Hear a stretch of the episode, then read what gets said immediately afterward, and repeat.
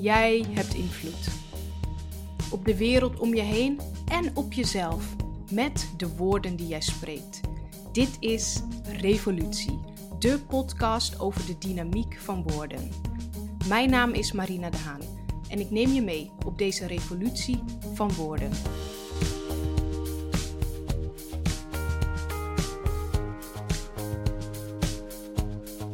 Als je me zou vertellen dat ik vandaag een podcast zou lanceren, dan had ik je als meisje van 9 jaar echt gigantisch uitgelachen. En niet een beetje ook, nee, echt gigantisch. Als jong meisje leefde ik namelijk in complete schaamte. En ik gebruikte mijn woorden niet om mezelf op te bouwen, maar om mezelf af te breken. En dat ben ik eigenlijk onbewust gaan doen. Maar daardoor heb ik wel ingezien dat woorden kracht hebben. En dat je met woorden verandering kan brengen in je eigen leven en in de levens van mensen om je heen. Ik verstopte me vroeger achter symbolische muurtjes. Je kent die uitdrukking vast wel dat je iemand achter het behang wil plakken.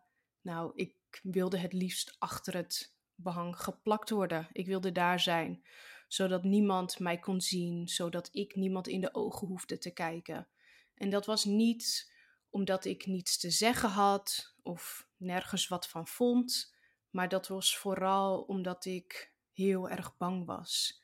Ik was bang om aangekeken te worden, bang om veroordeeld te worden door anderen, bang om gepest te worden. En dat komt omdat mijn huid van jongs af aan, ehm, ik was denk een baby toen ik voor het eerst last kreeg hiervan, mijn huid was volledig stuk gebroken, kapot. Een aantal jaar geleden heb ik Zoete Liefde opgericht, omdat ik dus heel erg in die kracht van liefdevolle woorden geloof, zoete woorden.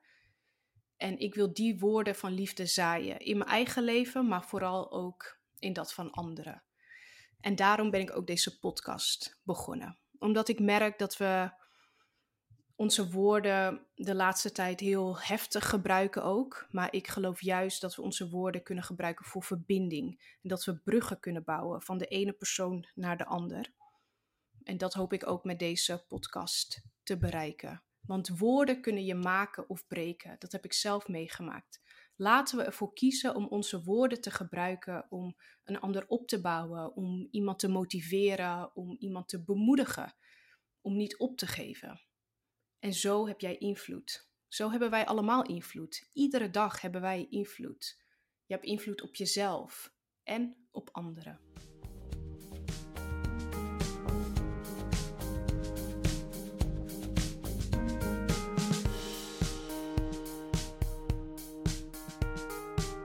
In deze eerste aflevering wil ik je meenemen in mijn eigen persoonlijke verhaal. En we duiken gelijk de diepte in, want schaamte is een groot onderdeel geweest en soms nog steeds wel van wie ik ben en wat ik heb meegemaakt.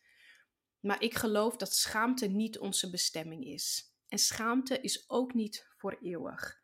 Ik weet dat schaamte te overwinnen is als we het durven te omarmen. Ik neem je even mee terug in de tijd.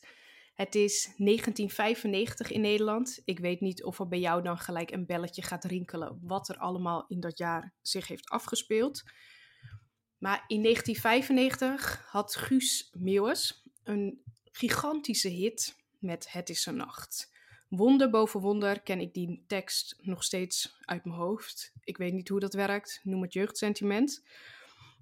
En ik dacht er even aan om het voor jullie te gaan zingen. Maar voor iedereen die mij kent, het is, uh, het is uh, ieder zijn talent, zal ik maar zeggen. Ik hou het bij de woorden, uh, niet zozeer het zingen. Het zingen is voor thuis met koptelefoon op als niemand me kan horen. Dat is beter voor iedereen, denk ik. Maar het is dus het jaar dat, dat Guus Meeuwis een grote hit scoorde. Het is ook het jaar dat O.J. Simpson onschuldig werd bevonden aan een dubbele moord. En het is het jaar dat acteur Christopher Reeve, hij speelde Superman in de, volgens mij in de originele Superman-films. Christopher Reeve raakte verlamd vanaf de nek na een val van zijn paard. Het is ook het jaar dat ik negen jaar ben. En ik zit in groep 5 van de basisschool bij juf Marjan in de klas. in de Zaanstreek, waar ik geboren ben. En zolang ik me kan herinneren, heb ik dan al een gebroken huid door eczeem. Van, uh, van kleins af aan uh, kreeg ik eczeem. En eczeem is, wordt, wordt gekenmerkt door uh, roodheid, zwelling, schilfers, korstjes en echt gigantisch veel jeuk. Echt heel erg vermoeiend om altijd jeuk te hebben. Vaak had ik liever pijn, liever een pijnlijke huid dan een jeukende huid, want van jeuk word je echt gek. Eczeem wordt getriggerd door, door allerlei allergieën. Ik heb echt ontelbare allergieën, uh, veel voedselallergieën. Um, het wordt ook getriggerd door uh, weersverandering en door stress. En stress had ik als jong meisje dag in dag uit. Ik, ik kan me eigenlijk geen moment herinneren dat ik niet zenuwachtig was. Ik was altijd op mijn hoede. Ik was altijd klaar om zo onzichtbaar mogelijk te zijn. Want ik wilde vooral niet opvallen. Ik wilde vooral niet dat mensen mij aankeken en zagen dat mijn huid helemaal stuk was. En dat ik dus niet mooi was. In groep 5 ga ik bijna iedere dag met een sjaaltje om naar school. Nu zie je het in de mode af en toe opduiken, zo'n leuk kleurrijk sjaaltje. Dat had ik toen ook. Alleen was het van katoen. En mijn moeder bond dat heel goed om mijn hals, met de strik aan de zijkant. En dat sjaaltje beschermde mij. En beschermde vooral mijn kapotte huid. Want ik had die nacht, en dit was eigenlijk iedere nacht hetzelfde, had ik mijn nek helemaal opengekrapt, tot bloedens toe. En mijn korte boblijnhaar, wat ik nu nog steeds heb eigenlijk, mijn haar zat dan in mijn nek geplakt. En het deed gigantisch veel pijn. En als ik als jong meisje van negen wakker werd gemaakt door mijn moeder, dan gingen we daarna naar de douche en met lauw water probeerden we mijn haar los te weken van mijn nek. En dat was echt een uh, vreselijk karwei en het was pijnlijk en verdrietig. En als ik er nu aan terugdenk, dan raakt het me nog steeds. En als dat eindelijk klaar was, als mijn nek helemaal vrij was van mijn eigen haar, dan, uh, ja, dan gingen we door met mijn enkels. Want ik had ook mijn enkels helemaal opengekrapt. En mijn sok zat heel vaak aan mijn enkel vastgeplakt. En uh, daar moest dus ook lauw, stromend water op, langzaamaan losweken. Maar mijn eczeem zat niet alleen in mijn nek en op mijn enkels. Het zat eigenlijk op mijn hele lichaam, op mijn buik, op mijn armen, knieholtes. Um, ik had geen wenkbrauwen, want die had, die had ik er allemaal afgevreven. Ik had gewoon overal eczeem. Mijn oogleden waren stuk. En uh, ja, pijnlijk om er zo over na te denken en uh, dankbaar voor uh, hoe het nu gaat.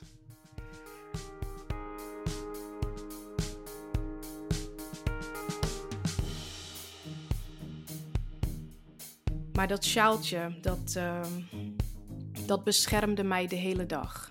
En het was als een soort comfortabele jas waar je niet zonder kunt en je wilt er eigenlijk ook niet zonder. En dat was het moment dat schaamte bij mij zijn intrede deed. En jarenlang heb ik schaamte als comfortabele jas aangetrokken. Als zat die jas een beetje krap, al schuurde het wat, al, uh, ja, al deed het pijn, toch trok ik die jas aan. Al stond het niet zo mooi, dat maakte niet uit. Ik trok toch die jas aan, omdat het voor mij een gevoel van veiligheid creëerde voor de buitenwereld. Binnen was ik namelijk een heel vrolijk, enthousiast, blij, kind dat heel veel grappen maakte.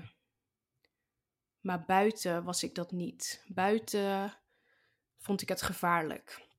Buiten hebben mensen een oordeel. Buiten roddelen mensen over je. Buiten kijken mensen je raar aan. Daar buiten, daar mag ik niet mezelf zijn. Tenminste, dat dacht ik heel lang. En ik ben niet alleen dat gaan denken. Ik ben die woorden die ik dacht ook hardop gaan uitspreken. Ik ben dus tegen mezelf gaan zeggen: ik ben niet waardevol. Ik ben niet mooi. Ik doe er niet toe. Ik heb niets te zeggen. Wie wil nou iets van mij horen? Ik zie er niet uit. Kijk me niet aan, alsjeblieft. En die woorden, die ben ik op den duur gaan geloven. Want hoe vaker je iets zegt, hoe meer het wortel schiet in wie je werkelijk bent. Die woorden die werden een anker in de storm.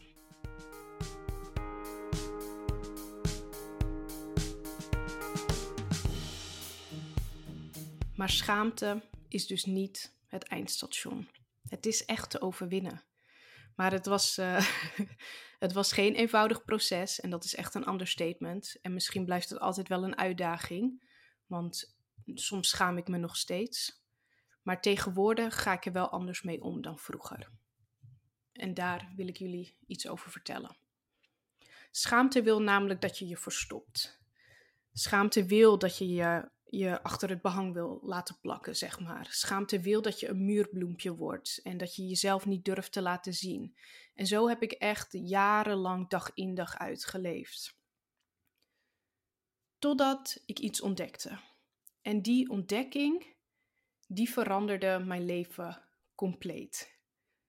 En ik kan er nu makkelijk over praten, maar die ontdekking, ja, dat, die kwam echt pas veel later. En ik ontdekte dat er niemand anders op deze wereld is zoals ik ben. Er is niemand anders op deze wereld die denkt zoals ik denk. En ik mag er zijn. Ik ben precies goed zoals ik ben. Dat leerde ik. En dat die gedachtes en die waarheid die ik heb ontdekt, die werden een paar jaar geleden getoetst. Toen werd ik uh, als volwassene heel erg ziek van eczeem. En uh, toen zat het eczeem weer over mijn hele lichaam. En toen begon de geschiedenis zich stap voor stap weer te herhalen. Ik durfde niemand aan te kijken. Ik wilde liever niet in de spiegel kijken, maar als ik wel in de spiegel keek, dan zag ik alleen maar mijn kapotte huid. Ik, ik zag zeg maar mijn blauwe ogen niet meer. Ik zag alleen maar een kapotte huid. Ik zag alleen maar gebrokenheid. En ik kon het niet aanzien. Het was echt te pijnlijk voor woorden om naar mezelf te kijken. En ondanks dat ik de kracht van woorden, van liefde, van die zoete woorden kende, trok ik toch weer die jas van schaamte aan, omdat dat comfortabel was en ik het kende van vroeger. En de enige manier om dat te stoppen in mijn geval was om mezelf een, uh, een gigantische halt toe te roepen. Dus mezelf een schop onder de kont te geven en te zeggen: Marina, nu is het klaar. Dus besloot ik om de schaamte en de negatieve woorden met wortel en al eruit te trekken. Ik ben toen twee maanden naar het prachtige Curaçao verhuisd, het geboorteeiland van mijn moeder en mijn tweede thuis. En daar op het eiland, in alle rust, met zon, zee en strand, heb ik uh, mijn eerste gedichtenboek geschreven, Lily in the Wild Field. En die heb ik later dat jaar, in 2017 was dat, in eigen beheer uitgegeven.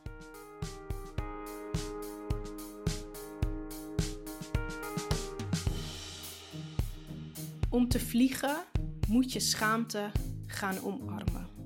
En om het te omarmen moet je eerst accepteren dat je je schaamt. Ik zei het al een paar keer, woorden hebben kracht. En ik geloof heel erg in die kracht van woorden. En ik geloof dat we die woorden moeten inzetten voor het goede. En ik heb ook gemerkt dat als je je woorden gebruikt, niet alleen je woorden denken, maar ze vooral ook uitspreken, dan zit daar die kracht in. Want als je het zeg maar in het licht brengt, je schaamte, dan, dan verliest het zijn. Dan verliest het zijn macht, zou ik eigenlijk willen zeggen. Als je durft uit te spreken dat je je schaamt en waarvoor dat is, dan verliest het zijn macht over jou. Dus als jij je schaamte in het licht brengt, dan wijkt de duisternis. Het houdt je niet langer gevangen. Zoals die jas, die voelde voor mij comfortabel, maar eigenlijk hield die jas mij gevangen. Die jas hield mij klein. Schaamte houdt je klein, wil dus dat je dat muurbloempje bent en blijft. Maar als we het in het licht brengen en als we durven uit te spreken, ik schaam me en hiervoor schaam ik me, dan zit daar zoveel kracht in. Dan wijkt de duisternis. En wat ik vervolgens heb gedaan, is niet alleen te erkennen dat die schaamte er zit en dat die negatieve woorden die ik gezaaid heb, dat die wortel zijn geschoten. Ik ben daar toen iets tegenover gaan zetten. En dat zijn positieve, zoete woorden. En daar komt eigenlijk ook de naam zoete liefde vandaan. Dus wat ben ik gaan doen? In plaats van woorden te spreken als ik ben niet mooi, ik doe er niet toe, ben ik die woorden gaan omdraaien. Wat is het tegenovergestelde daarvan? Met wondjes in mijn gezicht en al ben ik in de spiegel gaan kijken. En soms doe ik dat nog steeds. Mezelf in mijn ogen gaan aankijken. En dan zeg ik tegen mezelf: Ik ben mooi. Ik ben een kunstwerk.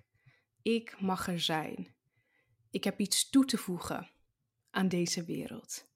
En ik merkte hoe vaker ik die woorden uitsprak, hoe dieper die wortels van die waarheid zijn gaan zitten. En die andere woorden, die zijn, die, ja, die verloren hun kracht, die zijn steeds minder geworden. En soms komen ze nog om de hoek kijken, maar heel vaak ook niet. Dus ik weet dat woorden kracht hebben en dat met de woorden die je spreekt, dat je invloed hebt op je eigen leven en dat je met de woorden die jij denkt en spreekt, kan jij invloed hebben en jouw leven veranderen. En als je dat doorhebt, dan kan je ook bewust worden van de woorden die jij tegen een ander spreekt. En als jij weet dat bepaalde woorden een ander pijn doen of kwetsen, dan kan je er bewust voor kiezen om die woorden juist niet in te zetten. Schaamte wil dus dat je je verstopt. Doe het tegenovergestelde en je zult vliegen.